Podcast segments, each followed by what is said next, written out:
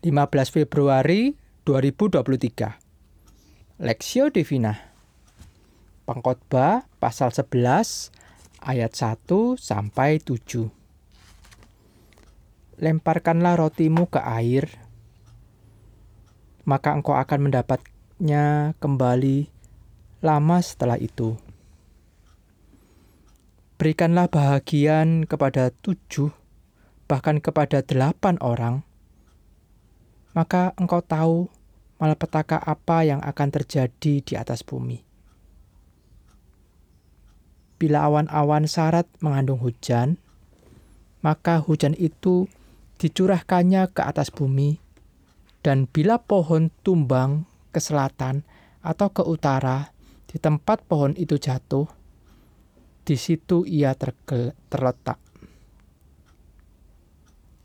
Siapa senantiasa memperhatikan angin, tidak akan menabur, dan siapa senantiasa melihat awan, tidak akan menuai. Sebagaimana engkau tidak mengetahui jalan angin dan tulang-tulang dalam rahim seorang perempuan yang mengandung, demikian juga engkau tidak mengetahui pekerjaan Allah yang melakukan segala sesuatu. Taburkanlah benihmu pagi-pagi hari, dan janganlah memberi isyarat kepada tanganmu pada pet, dan janganlah memberi istirahat pada tanganmu pada petang hari. Karena engkau tidak mengetahui apakah ini atau itu yang akan berhasil, atau kedua-duanya sama baik. Terang itu menyenangkan dan melihat matahari itu baik bagi mata.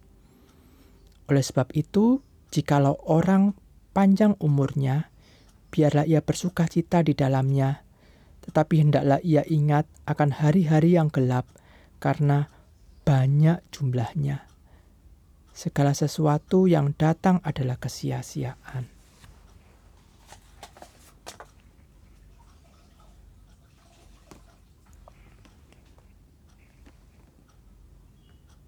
tak ku tahu hari esok.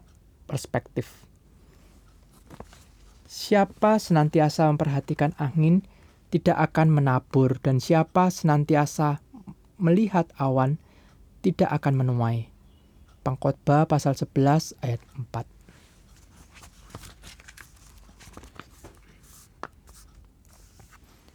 Sebuah pepatah berkata, gagal merencanakan sesuatu dengan baik sama halnya merencanakan kegagalan.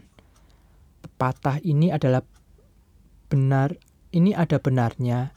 Jika tidak mempersiapkan rencana dengan baik, tahu rencana itu akan menjadi tidak maksimal atau merugikan. Namun, apakah ini berarti kita harus menjadi seorang perfeksionis yang mengatur segalanya secara detail sampai yang terkecil? Kemudian barulah kita berani melangkah. Kehidupan dalam dunia ini memang perlu direncanakan dengan baik.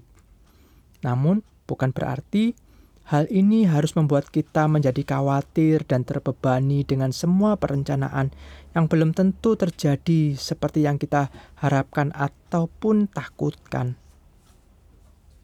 Kisah hidup menunjukkan bahwa perencanaan yang matang akan memberikan kepastian yang lebih baik daripada perencanaan yang sembrono.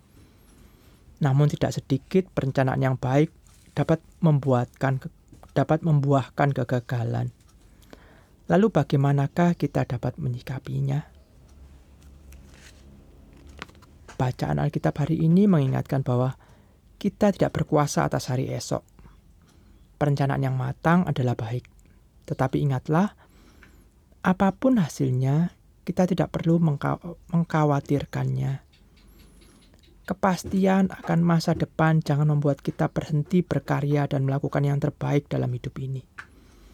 Apa yang dapat kita kerjakan hari ini, kerjakanlah dengan baik. Apa yang akan kita kerjakan di depan, kita berserah kepada Tuhan. Sebab pengkhotbah berkata bahwa berkata bahwa kita mengetahui kita tidak mengetahui jalan angin dan tulang-tulang dalam rahim seorang perempuan yang mengandung. Demikian juga engkau tidak mengetahui pekerjaan Allah yang melakukan segala sesuatu.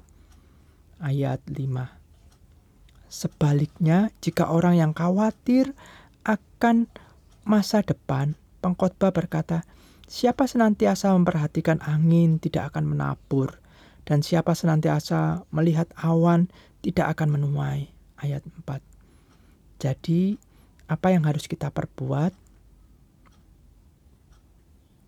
Rencanakan segala sesuatu dengan baik, tanpa khawatir akan hasilnya. Lakukan dan kerjakan apa yang dapat kita perbuat hari ini dengan sukacita. Tentang masa depan, kita serahkan kepada Tuhan yang menentukan hasilnya. Studi pribadi, mengapa kita sering khawatir akan masa depan? Kira-kira apa dampaknya? Apa yang pengkhotbah ajarkan untuk menyikapi ketidakpastian masa depan? Pokok doa, berdoa bagi jemaat yang sedang bergumul menghadapi masa depannya. Doakan agar mereka tidak khawatir dalam segala hal, melainkan berserah kepada Tuhan dan tetap mengerjakan yang terbaik.